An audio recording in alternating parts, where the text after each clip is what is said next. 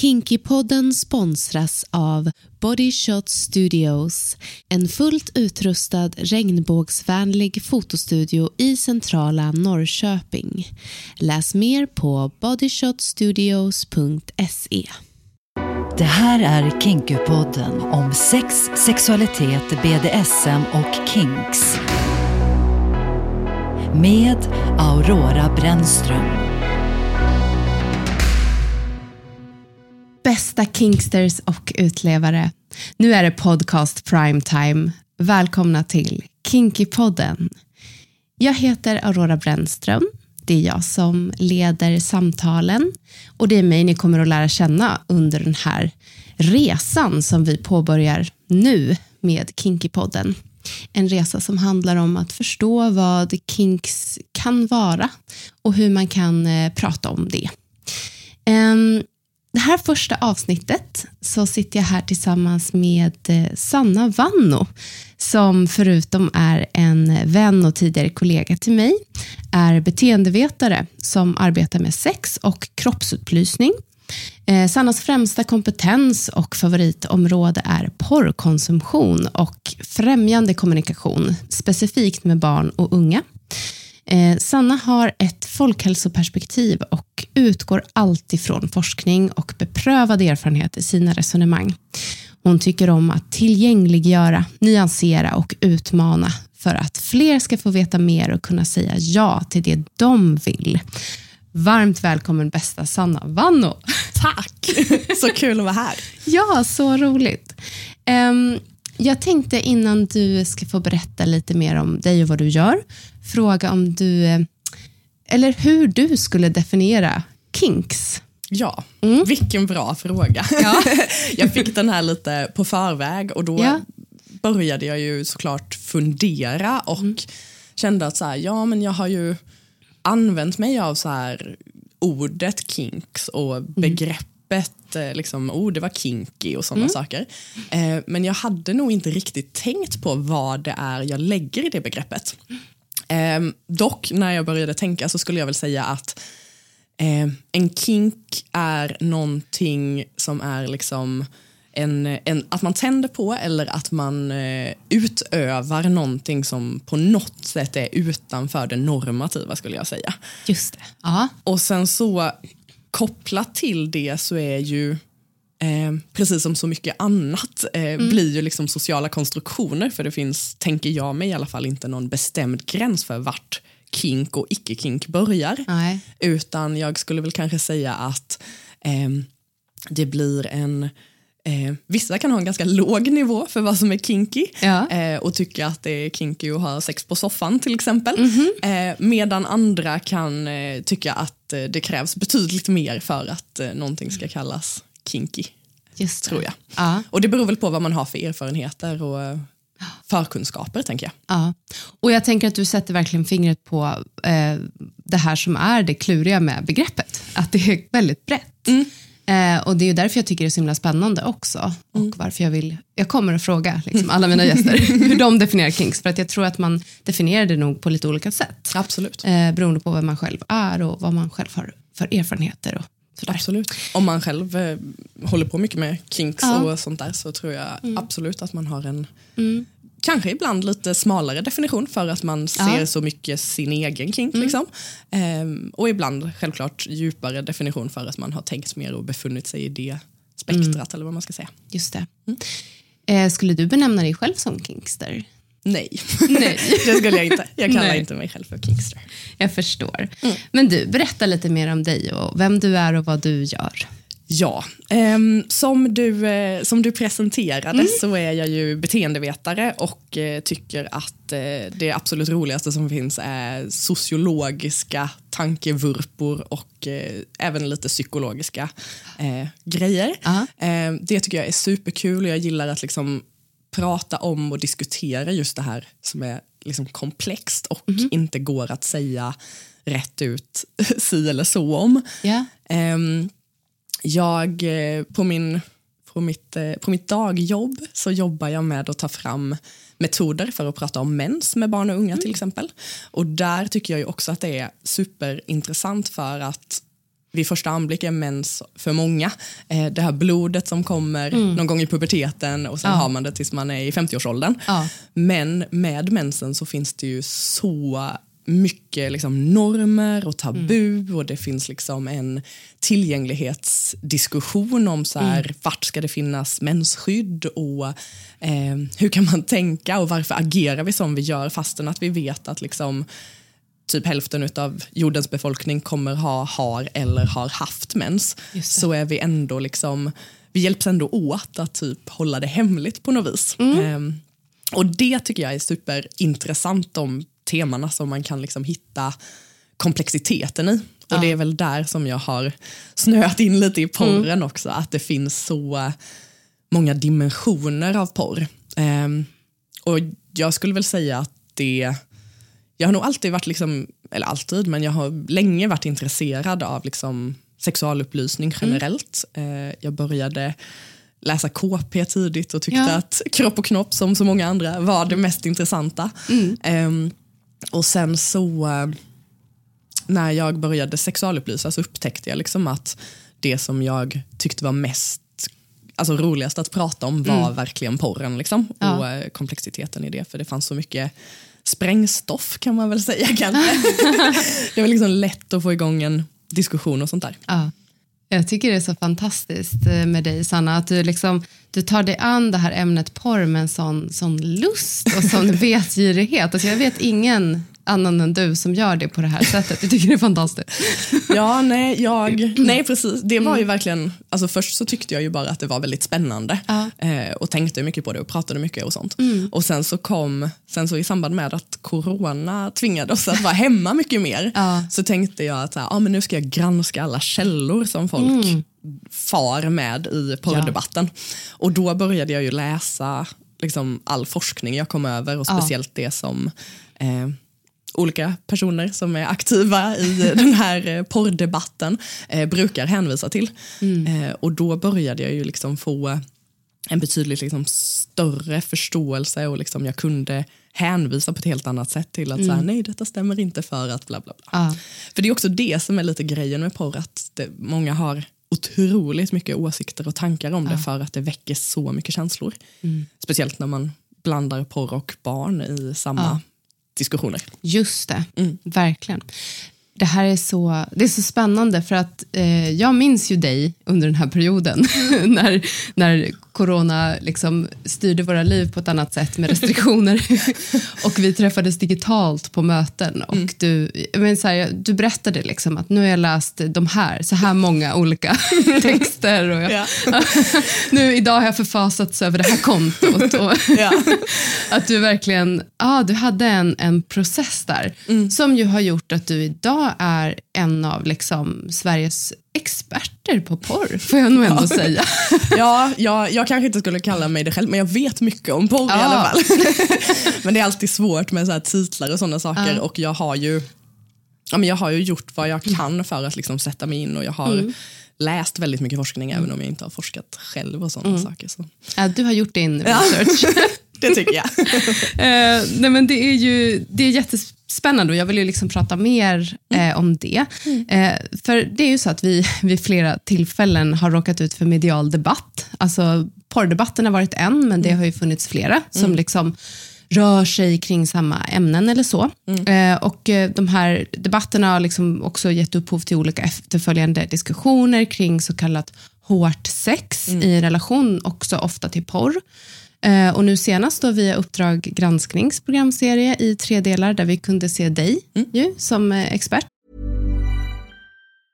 A lot can happen in three years, like a chatbot may be your new best friend. But what won't change? Needing health insurance. United Healthcare Tri Term Medical Plans, underwritten by Golden Rule Insurance Company, offer flexible, budget friendly coverage that lasts nearly three years in some states. Learn more at uh1.com. There's never been a faster or easier way to start your weight loss journey than with PlushCare PlushCare accepts most insurance plans and gives you online access to board-certified physicians who can prescribe FDA-approved weight loss medications like Wigovi and Zepbound for those who qualify. Take charge of your health and speak with a board-certified physician about a weight loss plan that's right for you. Get started today at plushcare.com slash weight loss. That's plushcare.com slash weight loss. plushcare.com slash weight loss. I'm Sandra, and I'm just the professional your small business was looking for. But you didn't hire me because you didn't use LinkedIn jobs. LinkedIn has professionals you can't find anywhere else, including those who aren't actively looking for a new job but might be open to the perfect role, like me. In a given month, over 70% of LinkedIn users don't visit other leading job sites. So if you're not looking on LinkedIn, you'll miss out on great candidates like Sandra. Start hiring professionals like a professional. Post your free job on linkedin.com/people today. Och jag tänker att vi ska prata lite mer om, om det här och, eh, och reda ut det. Eh, men jag tänker att du, du får gärna berätta lite mer om, om liksom din relation till porr. Eh, alltså hur kommer det sig att du började intressera dig för just porren? Och hur ser ditt arbete ut idag? Liksom, vad är det du vill förmedla när du pratar om porr? Ja. Ehm, ja, väldigt bra fråga det med. Ehm, ja, men som sagt, jag tror att det som liksom fick mig extra intresserad av just porren var det här att det finns så mycket komplexitet i det. Och det är det jag tycker är väldigt kul att jobba med och vrida och vända på och nyansera och lite så här djävulens advokata, olika saker som så här, men, men är det egentligen så farligt? Och liksom sådär typ. Ehm, för att det känns typ som att ja, men, när, man, när man drar ihop barn och porr på något sätt, i, speciellt då i konsumtion, alltså vi pratar inte om eh, pornografiskt material med barn medverkande, utan när barn ser porr, ehm, så blir, man, så blir folk väldigt mycket liksom stressade och liksom Ja. hetsar upp sig jättesnabbt och eh, nästan så ser rött och kan inte riktigt tänka klart och eh, fokusera på liksom, beprövad metod och vetenskap och sådana saker utan man, den spontana känslan är bara nej, nej, nej, bort med allting. Ja. Ehm, och sådana ämnen finns ju flera stycken som folk reagerar Ja, ja. så i. Eh, men jag tänker mig att det är det som gör att det så ofta blir den här typen av eh, ja, men debatter i samhället för att man får väldigt lätt med sig en stor massa av människor som känner väldigt starkt och inte blir så källkritiska för att känslorna tar överhand. Just det. Och alltså porren har ju varit ett, ett, ett liksom objekt för den här typen av debatter av olika anledningar genom historien. Så till exempel i Förr så var det ju mer att man liksom trodde att porren eller det som var liksom explicit skulle kunna liksom skada sedligheten och man skulle kunna liksom eh, kvinnor och barn och så skulle inte klara att hantera ifall de såg det och liksom sådär. Man hade ganska låg, låg känsla för de här människorna. Ehm, och sen efter det så blev det lite mer fokuserat mot att porren liksom är kvinnoförnedrande i samband med de feministiska vågorna som drog över eh, drog över oss. Ehm, och sen efter det gick det mycket in på att det var våld eh, som var det farliga. Och det knyter ju samman med till exempel videovåldsdebatten när Just man det. pratade om eh, datorspel och sådana saker. Ja, tänkte precis på det. Ja, precis. Ja. Ehm, och där är det ju liksom så att man skulle ja, men så att man skulle bli influerad och eh, vilja slå så som de gör i porren eller vara våldsam och sånt där till exempel. Ehm, och sen så nu är vi väl fortfarande lite i den här våldsdelen av kritiken. Men vi rör oss också mer och mer mot någon form av patologisering av att man tittar Okej. på porr.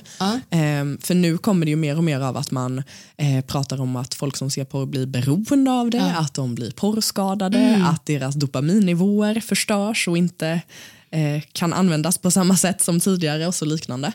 Ehm, och det blir liksom som en där blir liksom idén om detta att eh, man blir sjuk av att titta på porr. Liksom. Just det. Och med mitt syfte med att prata om porr är väl i mångt och mycket att tydliggöra nyanserna av det. För att det finns liksom ingen jag känner som tycker att porr är 100% felfritt. Liksom. Eh, men ifall man tillåter sig själv att liksom vara lite nyfiken och inte liksom direkt agera på den där första magkänslan så är det ganska lätt också att se att porren har olika sidor som man faktiskt kan tycka olika saker om. Just det. Och jag skulle väl säga att mitt primära syfte mm. med att eh, prata om porr och liksom driva det här eh, är att få fler att se de skillnaderna. Mm. Eh, men också att lyssna i högre grad på forskning, speciellt vad det gäller till exempel porrfilter som kan vara rätt upp och ner, alltså farligt och alltså förstöra väldigt mycket mer än vad det gör gott. Mm. Eh, speciellt för kanske hbtq-unga eh, och folk som lever i andra eh, utsatta situationer, till exempel i hederskontext ja. och sånt där. Den, den eh, tanken vill jag att du håller. Jag, mm. vill, jag vill bara säga eh, till, till mina lyssnare liksom, att jag, jag, vill, jag vill säga det att jag, jag är ju definitivt mer porrliberal än liksom porrmoralist. Mm. Alltså 100%. Men jag tycker att det är det finns problematiska aspekter av porrkonsumtion och porrindustrin. Eh, så jag tycker att det är viktigt att man tar de här diskussionerna. Mm. Eh, så det vill jag bara ha sagt. Liksom. mm. Eh, sen Tyvärr jag, är det ju också ett sånt uh. ämne där man faktiskt måste liksom disclaima att så här, jag är emot porr. alltså, jag vill inte att barn ska se porr. Ja. För att annars så kommer folk och säger du vill att barn ska se porr. Ja, det har ju hänt både både en och två gånger. Och jag, jag, jag, jag, förstår verkligen det och det är, mm. ju, det är ju liksom så det blir. Det är, det är som du säger att när, när de här ämnena kommer upp Eh, alltså porr, mm. våld, mm. Eh, alltså så här, där man blir triggad, där, mm. där, folk uppenbarligen blir triggade och när det handlar om barn. Ja. Pedofili så, är ju ett annat sånt. Ja, visst. Jag menar, alltså jag menar inte att porr handlar om barn, men när, när man kopplar ihop mm. eh, någonting som man blir rädd för eller som man tycker är liksom extremt med liksom barn, mm. då är det ju liksom väldigt vanligt att, att den här röda lampan eh, lyser för mm. folk i ögonen. Liksom, mm. att, nej, nej, nej, bort det här ska vi inte ha. Jag är emot, mm. stopp. Mm. Eh. Verkligen. Ja. Och, det... och, sen så kan vi också säga att porr är inte för barn. Barn ska inte se porr. Eh, men Sen så finns det ju lite äldre personer som är tonåringar som eh, de kanske inte heller primärt ska se porr, mm. men de kommer kanske göra det ändå och då ja. behöver vi kunna hantera det på ett bra sätt istället för att bara sätta skygglapparna på och ja. rusa in i någonting som kan förstöra mer än vad det gör gott. Ja, mm. verkligen, 100 procent. Eh, jag tänkte på det här du sa med liksom att, att porrfilter kan förstöra. Mm. Eh, vad, vad, menar du med det mer mm. konkret? Ja, eh, alltså det som är problemet, eller vad man ska säga med porrfilter, är mm. ju att vid första anblick låter ju det som en jättebra idé. Mm. Det är mm. klart att vi ska filtrera bort porr mm. eh, för de som inte vill se porr eller inte ska mm. se porr eller man ska inte behöva se porr när man surfar på internet helt vanligt. Liksom. Men det som är problemet med porrfilter är att de är liksom alltid eh, techmaskiner tech som är konstruerade för att filtrera enligt olika typer av algoritmer. Och Det gör att de blir ganska trubbiga verktyg. Mm. Eh, och Det gör att de eh, många gånger misslyckas med att filtrera exakt så som vi önskar att de gör. Mm. Eh, och Det kan både leda till liksom underfiltrering, vilket innebär att det kommer igenom porr även om vi inte vill det. Ja. Um, och det gör många gånger, brukar man säga, att liksom, det skapar en falsk trygghet att till ja. exempel föräldrar som sätter in ett porrfilter som underfiltrerar mm. eh, låter sina barn surfa friare än mm. de mhm. som har, eh, inte har ett porrfilter. Mm. Um, och sen så det ännu värre problemet skulle jag säga är att porrfilter kan överfiltrera. Och det innebär att de filtrerar bort mer än vad som är önskvärt. Mm. Och det är tyvärr ganska enkelt för dem att göra för att filter filtrerar oftast på till exempel ord eller mm. URL eller liksom sådana saker. Och då blir det så att ifall det står sex på en sida så har filter ganska svårt att avgöra ifall detta är eh, en sexualupplysningssajt eller ifall det är något annat. Och likadant med liksom Eh, lesbien är ett vanligt eh, ah. ord inom porren mm. till exempel. Eh, då kan det filtreras bort. Även transsexualism och sådana saker fil filtreras mycket bort. Eh, vi har sett, jag har några vänner som vi har gjort en eh, porrfilter eh, föreläsning där vi pratar om just detta och där har vi också provat till exempel att söka på analsex med och utan filter. Mm. Och söker man med filter så är de enda resultaten som kommer i princip så här sjukdomar som har med liksom sprickor i analen och sådana saker att göra. Medan ifall man söker på analsex utan filter så får man absolut inte upp liksom, porr med analsex utan man får upp liksom, sidor som visar hur man kan tänka kring analsex, vilket glidmedel som är bra, hur man förbereder sig och sådana saker. Så det är ju liksom inte det, det är viktigt att komma ihåg att liksom så här, ett filter kan aldrig ha en människas touch Nej. på vad som gäller. Liksom. Eh, även om de kan bli bättre och bättre och bättre eh, så kommer vi vara med om att det blir fel.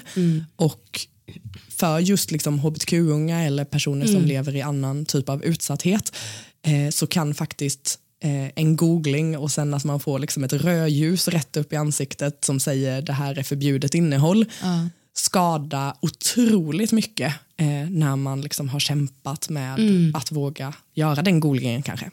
Just det. Ehm, och just de här personerna som till exempel hbtq-personer kan ju i högre grad behöva googla också för att skolan tyvärr många gånger är ganska bristfällig i Ja. att ge heltäckande undervisning om sånt som är lite utanför normen. Ehm, Till exempel. Just det. Så, så viktigt eh, att, att ta med sig.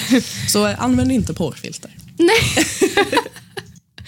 Um, det jag tänker utifrån liksom de här olika debatterna som har varit och, och den här programserien också Uppdrag granskning som jag inte vet om den ligger kvar men jag skulle tro det på, Ja. SVTs, eh, på SVT Play. Ja.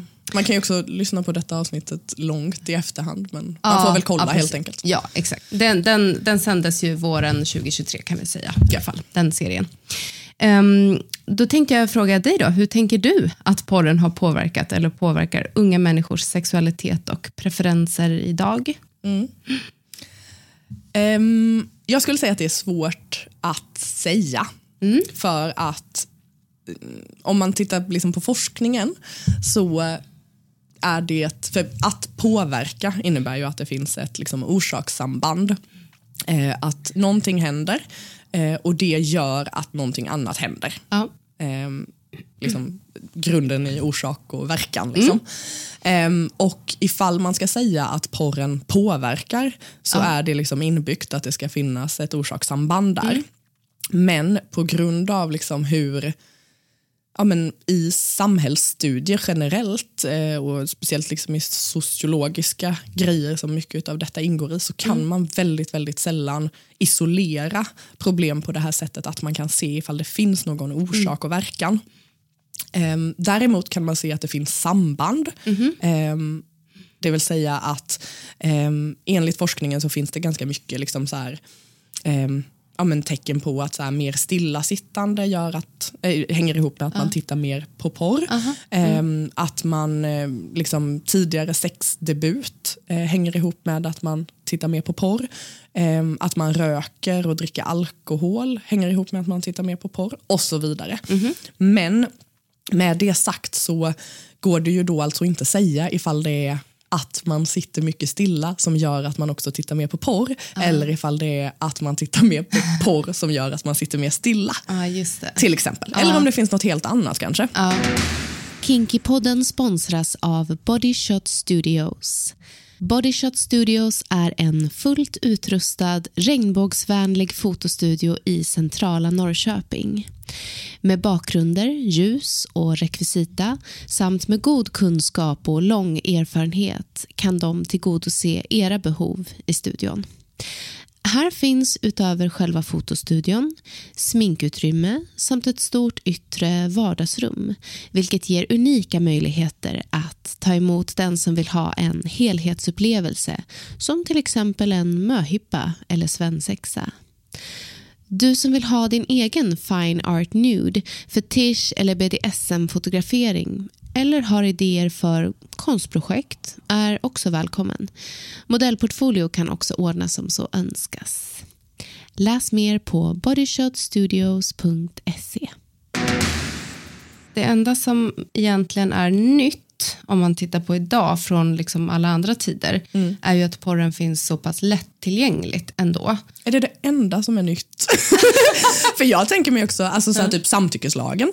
Eh, Absolut. Att Nej, vi tänker... har normer för hur vi pratar om sex. 100 procent Sanna. Att vi det, har öppenhet. det, det, det, jag tar tillbaka, det är inte enda är Men om man tänker på att porr mm. som fenomen är ju inte nytt. Nej. Jag menar, det har ju funnits, jag menar, det, kan, det vet vi ju inte, men vi, jag tänker mig att det har funnits alltid på olika mm. sätt. Mm. Alltså vad man nu definierar som porr. Mm. Men um, det som är nytt idag, om man tittar på det, mm. är ju att, att det är lätt att få tag på. Mm. Hur eh, man konsumerar det. Ja, hur man konsumerar det, precis.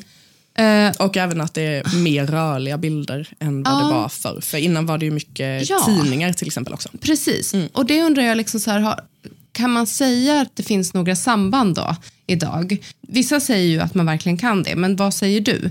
Kan man se några samband kring liksom vad, hur ungdomar, hur det liksom visar sig i deras sexliv eller deras sexualitet eller deras praktiker mm. som de väljer att eh, utforska alltså den här generationen som växer upp liksom, nu med porren tillgänglig i telefonen. Alltså Det man kan se är ju att unga upplever att porren är en naturlig del av att växa upp. Ja. Ehm, det säger, eh, till exempel gjorde Barnombudsmannen jättemycket mm, vad heter det? intervjuer med barn och unga. Ja.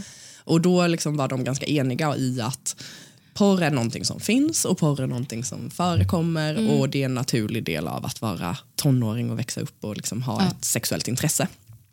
Um, så jag skulle väl absolut säga att så här, porren är mer tillgänglig och liksom den breda variationen i porr är mer tillgänglig för att mm. även om barn Eh, eller folk som var barn förr har ju berättat om hur de minns att, för varken du eller jag levde ju då, men eh, att eh, de har berättat om att de liksom såg ja, men, porrtidningar högst upp på hyllan på Pressbyrån eller ja. att de gick i skogen och hittade någon porrfilm, eller porrtidning menar jag, mm. eh, och sådana saker.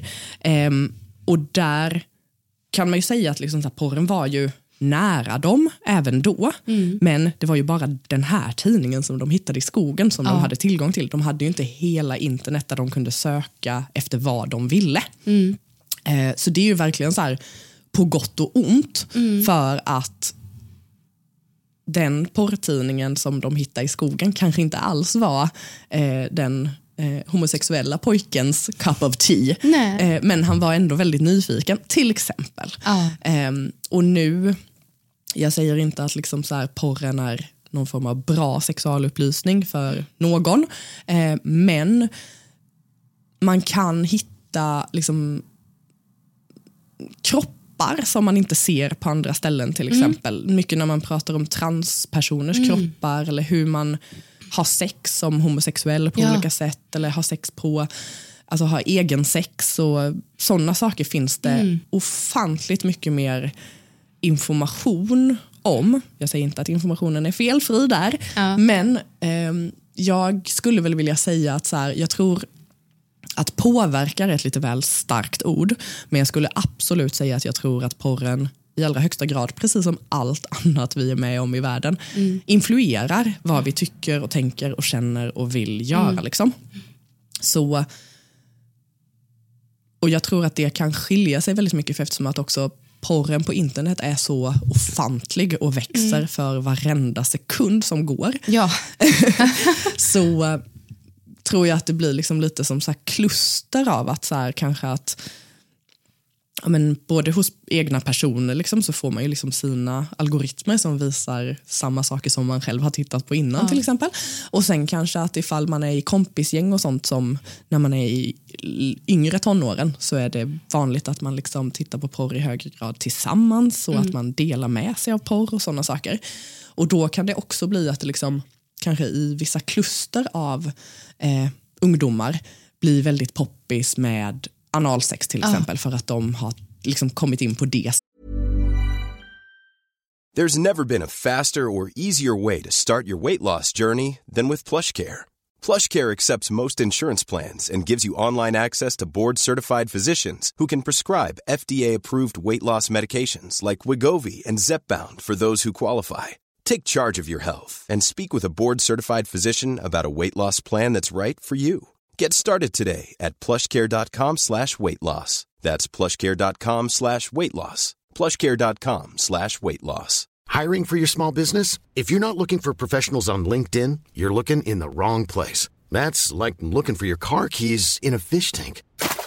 LinkedIn helps you hire professionals you can't find anywhere else, even those who aren't actively searching for a new job but might be open to the perfect role. In a given month, over 70% of LinkedIn users don't even visit other leading job sites. So start looking in the right place. With LinkedIn, you can hire professionals like a professional. Post your free job on linkedin.com slash people today. Spåret i porren till exempel. Så jag tror absolut att det kan influera och liksom både unga och vuxna och alla möjliga. Liksom. Mm. Men jag skulle inte vilja säga påverka. Nej, Ehm, jag förstår. Mm. men det är ju samma sak bara, olika ord. Ja. Men ehm, Nej, men för Ja. sen har du ju rätt i att, att det är ju en massa andra saker som, som influerar eller påverkar Mm. eller liksom är med och bidrar till ett skapande av identitet Mm. och alltså, sexualitet i samhället. Alltså, Det är ju inte bara porren som gör det, Mm. utan det är ju också så här, allt annat man tar till sig och ser och lär sig och, och pratar om. oh ja. Eh, Så att det, är ju, men det är ju inte liksom som att så här, porren har kommit och tagit över alla andra Nej. liksom, så här, källor till kunskap. Nej, och barn uppger ju, eller unga uppger ju fortfarande att skolan är deras främsta källa till sexualupplysning. Ehm, och sen efter det eh, internet tror jag, om jag inte missminner mig. Men i internet så sägs det ingenting om huruvida det är att titta på porr eller om det är att surfa runt på Umo till exempel.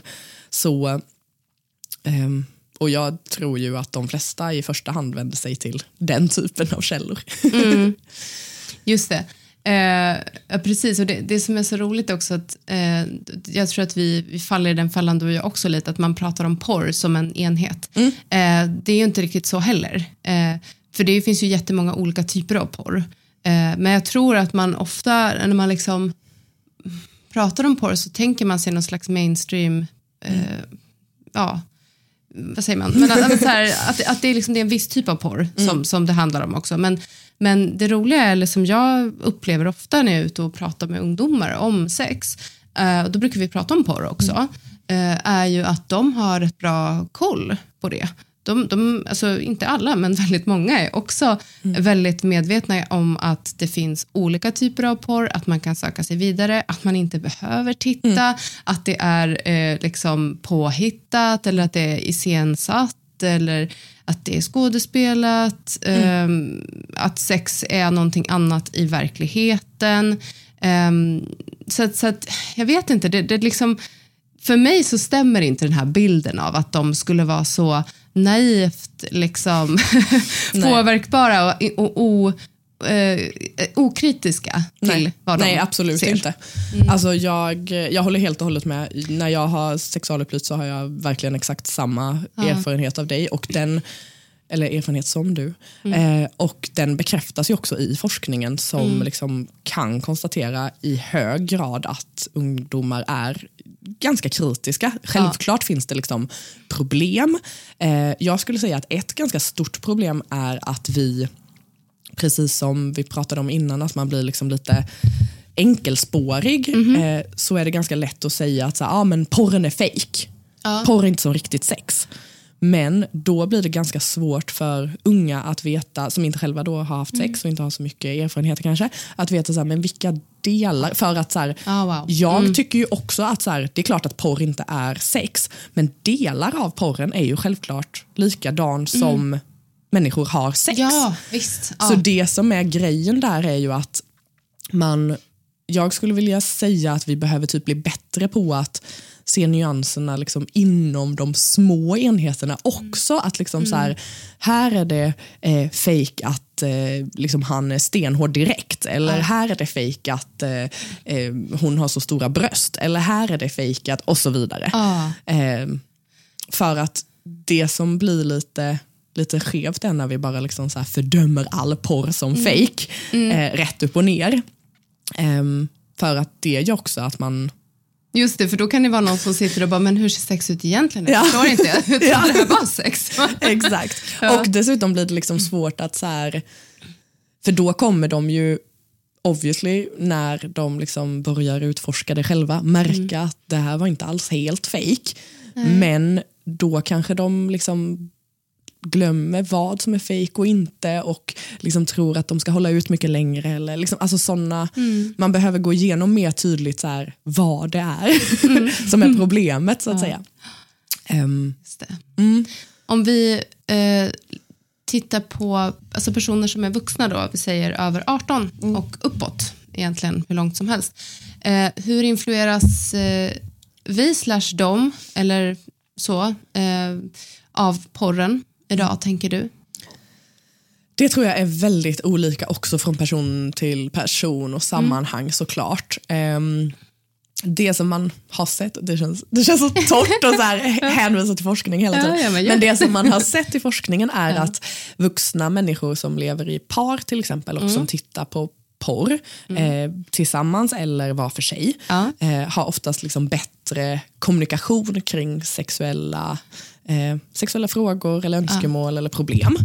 Ehm, så jag tänker mig att det finns ett samband där mellan att så här, kunna vilja titta på porr och att liksom vara intresserad och kanske engagerad i sitt sexliv på ett annat sätt. Mm.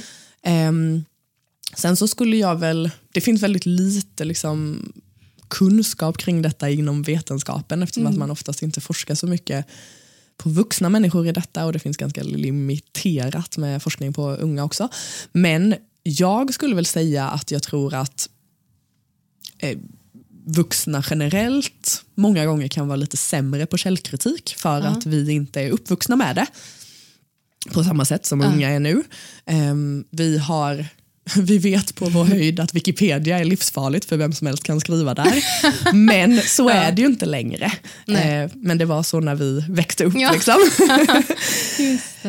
Um, och det gör att så här, vi har ganska olika måttstockar för vad man ska tro på. Det ser man, mm. alltså det är en sån klassisk ett klassiskt skämt att så här, gamla delar vidare vad som helst ah. bara för att det liksom väcker känslor. Ja. Typ.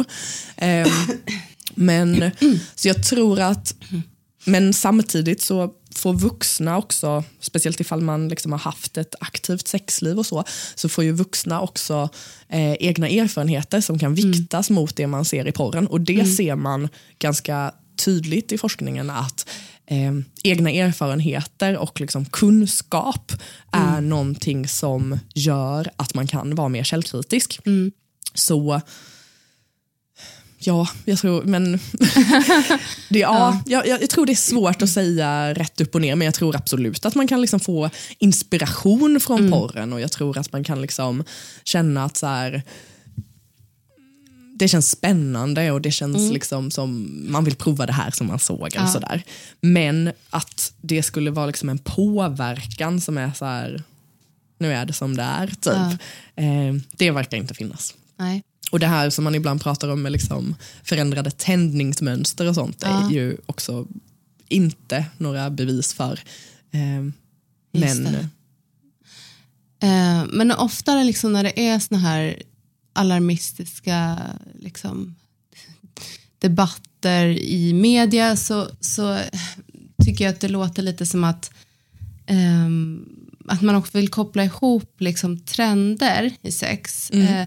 Alltså just då när man pratar porrkonsumtion, man pratar så kallat hårt sex mm. och då att man också kopplar in alltså ämnet för den här podden, mm. eh, alltså kinks. Mm. Och att man också väljer att kanske plocka in eh, BDSM-praktiker ja. som liksom eh, uppseendeväckande, lite extrema. Att man liksom, mm. ja, jag vet inte om det är att man vill det eller om man liksom verkligen känner att eh, ja, det är relevant. Men eh, tänker du att, att liksom dagens, eh, den porr som vi kan titta på om vi vill eller som vi kan konsumera om vi vill bidrar till den här typen av liksom trender. Trender mm. kring att liksom utforska kinks och BDSM. Um, ehm, ja, det tror jag den kan göra. Mm. Alltså, men inte som, återigen, som, inte som en liksom påverkan och liksom helt rak bidragande orsak. Mm. Men att ifall man liksom ser någonting och tycker att det ser spännande ut, ja. då är det klart att man kan bli liksom intresserad eller nyfiken på att prova mm. det själv. Och ju mer vi liksom har tillgång till, desto mer kan vi också liksom, ja men, upptäcka och Ja. vilja prova såklart. Ehm, och det skulle jag säga att så här, ja men jag tänkte på det nu innan eh, i, i ditt resonemang här så är det ju väldigt problematiskt också att man liksom så här kopplar samman alla de här begreppen då som man väljer liksom att kalla hårt sex och BDSM och kinks och liksom sådana saker. För att det som man liksom stoppar allt det under sen som ett liksom paraply är eh, hårt sex och det är någonting som verkar i mångt och mycket vara icke samtyckt. Eh, att folk liksom får, ett, eh, får en smisk eller folk får ett Mm. stryptag eller liksom sådana saker Mm. utan att de vill det. Och det är ju otroligt problematiskt och Ja. jag skulle säga att det framförallt handlar om okunskap hos de som liksom framställer den här, de här debatterna eller liksom gör de här programmen och sådana saker. För att man, återigen här blir man liksom så uppslukad av känslan av att så här, men va, utsätts unga flickor för hårt sex? Ja. Eh, som de inte vill och så vidare. Ehm, att man liksom blir helt, man bara liksom slukar allting och bara, ah, det är för att det här BDSM är och bla bla bla. Ja. Men där behöver man ju liksom komma tillbaka till att så här, BDSM är ju, alltså det ligger i eh, begreppets betydelse att det är kommunicerat och samtyckt på ett liksom bra sätt. Ja.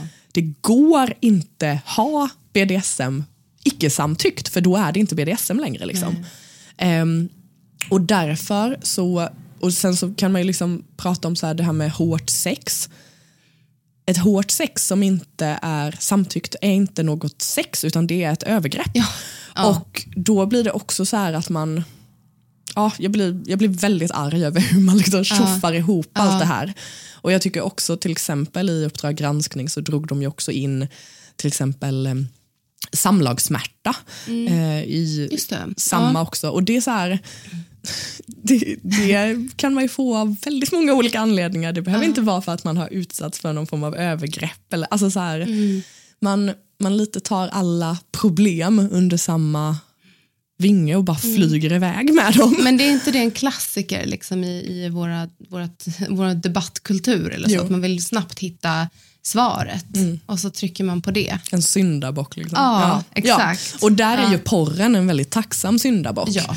Eh, för att folk är liksom överens om att det är någonting lite, lite läskigt som vi inte har kontroll över. Mm. Och det finns negativa saker med det som till exempel industrin och sådana saker. Och då blir det liksom väldigt lätt att skylla allt på porren. Och det är lite skönt också, Ja. att man har ett svar. Så här, vad är det som, som skapar allt det här, det här Mm. hårda, det här liksom, oh, det icke samtyckta, det här jobbiga? Ja, men det är porren. Just ja, fan vad bra. Mm. Ja. ja. Och då tar vi bara ett porrfilter så finns den inte mer. så bra. Ja. det är liksom quick fix. Men, Ja. eh, nej, men jag har funderat mycket på det här med liksom, alltså BDSM som fenomen eller liksom som, som community och alla praktiker som det kan innefatta. Mm. Eh, för att när jag liksom hittade eh, de eh, forumen, eh, hittade in i liksom BDSM-kretsar och, och gick på, började gå på klubbar och träffa folk och så här, då upplever jag att eh, det var lite Alltså, jag är ju inte så gammal, men jag är ändå liksom börjar närma mig 40 och har liksom ändå varit i det här ett tag. Och eh, när jag liksom kom in i det från början så upplevde jag att det var eh, mycket, mycket färre utövare, eller liksom mycket färre eh, öppet liksom, utövare. Och att, eh, men att jag märkte att det liksom redan då kanske började bubbla kring att eh, folk började hitta dit eller liksom acceptera med sig själva att det var någonting som hände. Eh, men nu har det ju bara raceat iväg alltså, svinsnabbt. Alltså, det forumet där jag har konto har ju liksom vuxit enormt de senaste åren. Och då skulle jag säga att det har breddats med liksom, vem det är som vänder sig till eh, de här forumen också. Och det är verkligen på gott och ont. Alltså. Att det liksom är verkligen de flesta är ju fortfarande personer som förstår vad liksom, paraplybegreppet BDSM handlar om. Vad, som förstår vad, vad det liksom innebär att ge sig in i den typen av praktiker och att det handlar om samtycke först och främst, att det handlar om kommunikation, att det handlar om att liksom bejaka lust och se varandra och, och liksom sådär, vara snäll. Mm. Eh, men att det också har börjat komma in liksom lite mer folk som inte förstår, mm. som bara liksom tar sig in och tar sig friheten och, och inte har förstått typ reglerna inom mm. situationstecken. Liksom. Mm. Eh, jag vet inte liksom vad, vad, jag ska, vad jag ska dra för slutsatser av det här, men det är bara någonting som jag har sett och mm. funderat på, liksom börjat, så här, för det är ju, det är ju härligt att så här, på ett sätt att, att eh, de här praktikerna som jag skämdes så otroligt mycket för när jag var yngre eller mm. ung vuxen eh, och som det har tagit mig år och år att liksom bejaka och acceptera i mig själv. Mm. Att det helt plötsligt är, börjar nästan bli så här inte mainstream, men liksom att, att det börjar bli så vanligt så att mm. väldigt många plötsligt kan liksom anse sig vara en kinkster eller BDSM-utövare för att de gör lite light med några mm. handklovar. Eller så här. yeah. Du vet, 50 shades of grey-vågen. Yeah. Liksom. Mm. Um, jag förstår. Jag tänker um, kopplat till det här, för du frågade, den förra frågan var ja. ifall jag trodde att liksom eh, porren gjorde att fler fick upp ögonen för detta. Eh, och då tänker jag bara på att så här, ja det är ju fler som har fått upp ögonen för detta och porren kan säkert bidra där. Men i liksom, i, i, exakt samtidigt som porren har mm. betett sig som den har gjort ja. så har ju också liksom typ forumkultur utvecklats ja. enormt. Eh, vi har börjat prata mycket mer om liksom identitetspolitik och sådana mm. saker och att man får vara och känna och tycka som man vill. Ja. Eh, så liksom så här, jag skulle väl säga att, ja, men bara för att återkoppla till det så är det ju återigen här inte förmodligen inte bara porren, men att porren absolut är med i tåget som gör att det är fler personer på dina, ja. på dina arenor. Ja. Um, och sen så blir det ju ja, det blir väldigt intressant för att man, när man liksom är en sån lite, lite gammal räv så ja. kan man kanske bli lite liksom frustrerad över att folk kommer och så tror att de kan allt. Eller något. Åh, jag är en gammal räv. Tolkar jag det som i alla fall. Ja, um, men ja, jag, jag tänker bara så här, finns det någon, alltså var är det man ska lära sig de här reglerna som du pratar om? Nej, Vad det, lärde du dig då? Ja, precis. Men det är ju jätte, jättebra fråga. Ja. För det kan man ju absolut lära sig på de här forumen. Ja. För då är det ju toppen att de är där och lär sig. Det är sant. Det är sant. Nej, men jag bara, så här, och, och, det absolut, vi kanske borde, liksom så här, vi som är rävarna, vara lite mer eh, liksom, bättre på att, att bjuda in mm. och liksom vara där och, och förklara. Då, för att eh, annars blir, kan det bli den här krocken. Mm. Eh, liksom. Eh, men, men så där tycker jag, är det inte lite så i många liksom, eh, grupperingar eller subkulturer Absolut. eller forum att... Alltså i typ så här brukshundsklubbar eller sånt tror jag. Så här, jag har haft hund hela mitt liv. Ja. Kom inte här med din lilla valp. Exakt, du jag har kört Rape Play ja. 2012. det tror jag verkligen. Men du Sanna, eh, jag, jag eh, jag formulerade en fråga som egentligen inte är min, utan jag, jag formulerade en fråga eh, som jag tänker att du kanske får ibland. Mm. Och då undrar jag vad du svarar när, du, när, när någon i något sammanhang frågar dig eh, om porrtittande eller porrkonsumtion är farligt. Vad svarar mm. du då? Um, då brukar jag nog eh, svara att så här, eh, nej, inte i utgångspunkt. Mm. Porrtittande funkar ungefär som allt annat. Ja. Um, ifall man skulle fråga, är bilkörning farligt? Uh, I vissa sammanhang kan man absolut säga att det är det. Ifall man krockar så är det farligt. Mm. Um, sen så är det allt som oftast man inte gör det utan det är ganska mm. praktiskt att kunna köra bil. Uh, likadant är det väl kanske med porren tänker jag mig att så här, för de allra, allra, allra, allra flesta så funkar det ganska fint att liksom titta på porr, eh, se det man känner för att man vill se eller läsa det man vill läsa. För det är ju också en aspekt av det här som vi inte har varit inne så mycket på. Att ja. porr eh, är ju, porr kan ju både vara liksom, eh, mjukt och hårt, tecknat och liksom inspelat. Eh, det kan mm. vara alla möjliga saker. Det kan vara ljud, det kan vara AI-genererat nu för tiden. Ehm, och så vidare. Ehm, så liksom så här, hittar man någonting som man själv tycker är liksom trevligt att eh, underhålla sig med, eller onanera till, eller vad man nu vill göra med det, eller få inspiration av, ehm, så är det inte liksom mer farligt än ifall man hittar någon maträtt som man gillar och äta den. Men sen så finns det ju de som föräter sig eller som tittar för mycket eller som ser saker de inte hade velat se egentligen. Och vuxna människor tror jag väl kan hantera det oftast ganska bra för att man har man har annan motståndskraft eller vad man ska säga och man kanske har folk man kan prata om det med. Medan unga, ifall de ser något som de inte eh, känner sig bekväma med och har sett eller som känns obehagligt, eh, de kan behöva prata med någon om det. Och ifall vuxenvärlden då har varit väldigt tydliga med att liksom säga att porr inte är bra att se och porr är inte någonting som man ska konsumera. Porr är dåligt, porr är våldsamt, porr är en dålig industri och ser man på det så stöttar man den. Då kommer de här barnen i mycket mindre utsträckning vilja prata med en vuxen om att de ändå såg porr och såg något jobbigt. Ja. Jag brukar jämföra det med när jag var liten. så hade mamma sagt till mig att jag inte fick se skräckfilm för hon inte trodde att jag skulle må bra av det. Liksom. Eh, när jag var typ 11 eller något kanske. Mycket rimligt sagt. Men så hade jag några sommarkompisar som man hade eh, på den orten där jag bodde. Eh, och då visade de mig så-filmerna.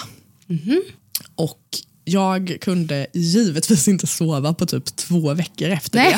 det. För jag var helt vettskrämd. Liksom. Ja. Och det var så obehagligt och jag mådde så dåligt. Men det liksom dröjde fram tills liksom nu, för bara några år sedan, som jag ens berättade detta för mamma. för att när jag var liten så hade ju mamma sagt att jag inte fick se skräckfilm. Och då när jag straffades av att jag hade sett film och mådde dåligt så ville jag ju inte att mamma skulle bli arg på mig för att jag hade sett skräckfilm. Nej. Så därför höll jag det för mig själv istället. Och den typen av hemlighållande vill vi inte att barn och unga ska behöva bära på. Eh, och därför så önskar jag, jag har inget liksom så här superenkelt svar på exakt hur man ska göra det, men jag önskar att fler, liksom, speciellt föräldrar, kunde bli bra på att prata om att så här, det finns massa saker på internet, oavsett vad det är. Eh, prata med mig om någonting inte känns bra. Och sen behöver man liksom inte gå in på just porren till exempel. För Nej. Där är det också ganska svårt att bara komma över porr. De kommer förmodligen liksom stöta på porr men förmodligen söker de upp det själva. Ja. Eller får det kanske skickat till sig. Men att bara stöta på det när man är väldigt liten är ovanligt. Ja. Så därför är det bättre att prata om att här, om någon säger någonting dumt eller ifall, nå- ifall du ser någonting jobbigt eller ja, vad det än kan vara. Att låta ha en, ha en öppen konversation om det Ja. eh, och anpassa det till sitt eget barn och sitt eget liv. Liksom. Just det. Men så vad, vad tänker du, liksom, hur kan man titta på porr på ett sunt sätt? Om man vill det. Ja, ehm, jag skulle väl säga eh, hur man kan konsumera porr på ett sunt sätt om man vill det. Eh, för jag tycker inte att man behöver titta på porr. Det finns ju också jättemycket liksom, man kan lyssna på, det finns Ja. mycket man kan liksom, skriva själv, eh, till exempel sexting och sådana saker. Eh, man kan eh, eh, liksom rita egen porr, man kan läsa sexnoveller, man kan, ja, allt möjligt egentligen. Eh, men jag tänker mig att man behöver eh, leta upp sin bra-känsla eh, och känna vad är det som liksom känns spännande för mig. Är, är porr någonting som jag vill utforska? I så fall liksom prova och kommer man in på någonting som inte känns bra, gå iväg från det då. Eh, stäng ner, sluta titta. ehm, och så vidare. Och ifall det är så att man känner väldigt starkt att så här, jag vill inte supporta den här industrin eller jag vill inte eh, att människor ska fara illa. Då finns det jättemånga alternativ. Till exempel skriven porr som inte några människor alls eh, beblandas med. Ja. Eh, det finns tecknad porr eh, och så vidare. Så ifall man är liksom nyfiken så finns det mycket annat att tillgå. Mm. Men sen så vill man inte konsumera porr. Det är ingen, ingen som tvingar en heller. Nej, det är bara om man tycker det är spännande så Ja. kör på. Apropå att porr är mer än, än liksom mainstream porr, så det är också Ja. mer än film. Ja, verkligen. Du, angränsningar. Jag måste faktiskt ta det här sista som jag hade tänkt. För att Jag är ju själv av den åsikten att de här olika debatterna kring hårt sex och porr, det här eviga alarmerande kring mm. ungas sexualitet och riskerna med att titta på porr och så vidare, mm. det skapar en onödig eller överdriven oro och även att det bidrar till moraliserande och skambeläggande av unga som försöker hitta sig själva och sin egen lust till sex på olika sätt. Um, ja, håller du med eller hur ser du på det här resonemanget. Ja, i, liksom, jo, ja. men jag håller i, i liksom korta drag, eller vad man ska säga, håller jag med helt och hållet. Ja. Um, jag tycker generellt aldrig någonsin att skam och eh, sådana saker är någonting som vi ska jobba med Nej. mot någon för mm. någon form av uppfostran eller för att få någon att göra vad man vill. Mm. Um, förutom ifall det avtalas möjligtvis. Um, mm. Men i allting behöver vi liksom stärka eh, speciellt unga, ja. och tro på att de vill väl och att mm. de är liksom, goda medborgare ja, som vill att eh, som vill göra väl helt enkelt. Och där tror jag att ifall vi lär dem eller ger dem verktyg och lär dem liksom att känna efter i sig själva. Vad är mm. det som känns bra? Hur är man en snäll kompis? Hur ja. beter jag mig när jag mår bra? Och så vidare. och så vidare. Hur säger jag ifrån när någonting inte känns bra? och så vidare. Mm. Om vi ger dem alla de verktygen så tror jag att de kan fatta egna bra beslut ja. eh, och välja själva vilken eventuell porr de vill se ja. eller vem de vill ha sex med och på mm. vilka sätt och så vidare. Jag håller eh. verkligen med. så jag tror det handlar om stärkande helt ja. och hållet eh, och främjande av goda, goda relationer. Just det. Jag tror att det får bli liksom våra slutord. Om det inte är så att du känner att du vill lägga till något särskilt på slutet. Eh, nej, jag tror inte det. Jag har pladdrat om mycket nu. Ja, men det, och det har varit så himla kul att få prata med dig eh, och jag gör det gärna igen. Jättekul att prata med dig också. ja, eh, jag tänkte fråga dig, har du någon kink eller så här, vad är din främsta kink? um, nej, jag, eh, jag, jag har nog ingen eh, speciell nej. kink. så. Jag kallar mig inte kinkster och känner mig inte så kinky. Men det är väl som sagt olika nivåer för olika människor. Absolut. Mm. Men du är ju porrexpert. Bara en sån sak. jag försöker. ja, nej, men det har varit jättekul att få prata med dig och jag tycker eh, att eh, du får jättegärna komma tillbaka helt enkelt, så, så kan vi fortsätta prata. Ja. Eh, och eh, Om du som lyssnar har frågor du vill ställa till mig, eller tankar som du vill bolla med mig kring ditt sexliv eller dina, din sexualitet kopplat till BDSM och kinks, så då kan jag svara dig via Kinkypoddens Patreon. Så signa upp på patreon.com kinkypodden. För en billig peng så stöttar du inte bara mitt poddande utan du får också personlig coachning om du vill och behöver. Tusen tack Sanna Vanno för ditt deltagande idag. Tack du som har lyssnat. Älskade Kingsters och utlevare, håll ut. Vi hörs snart igen.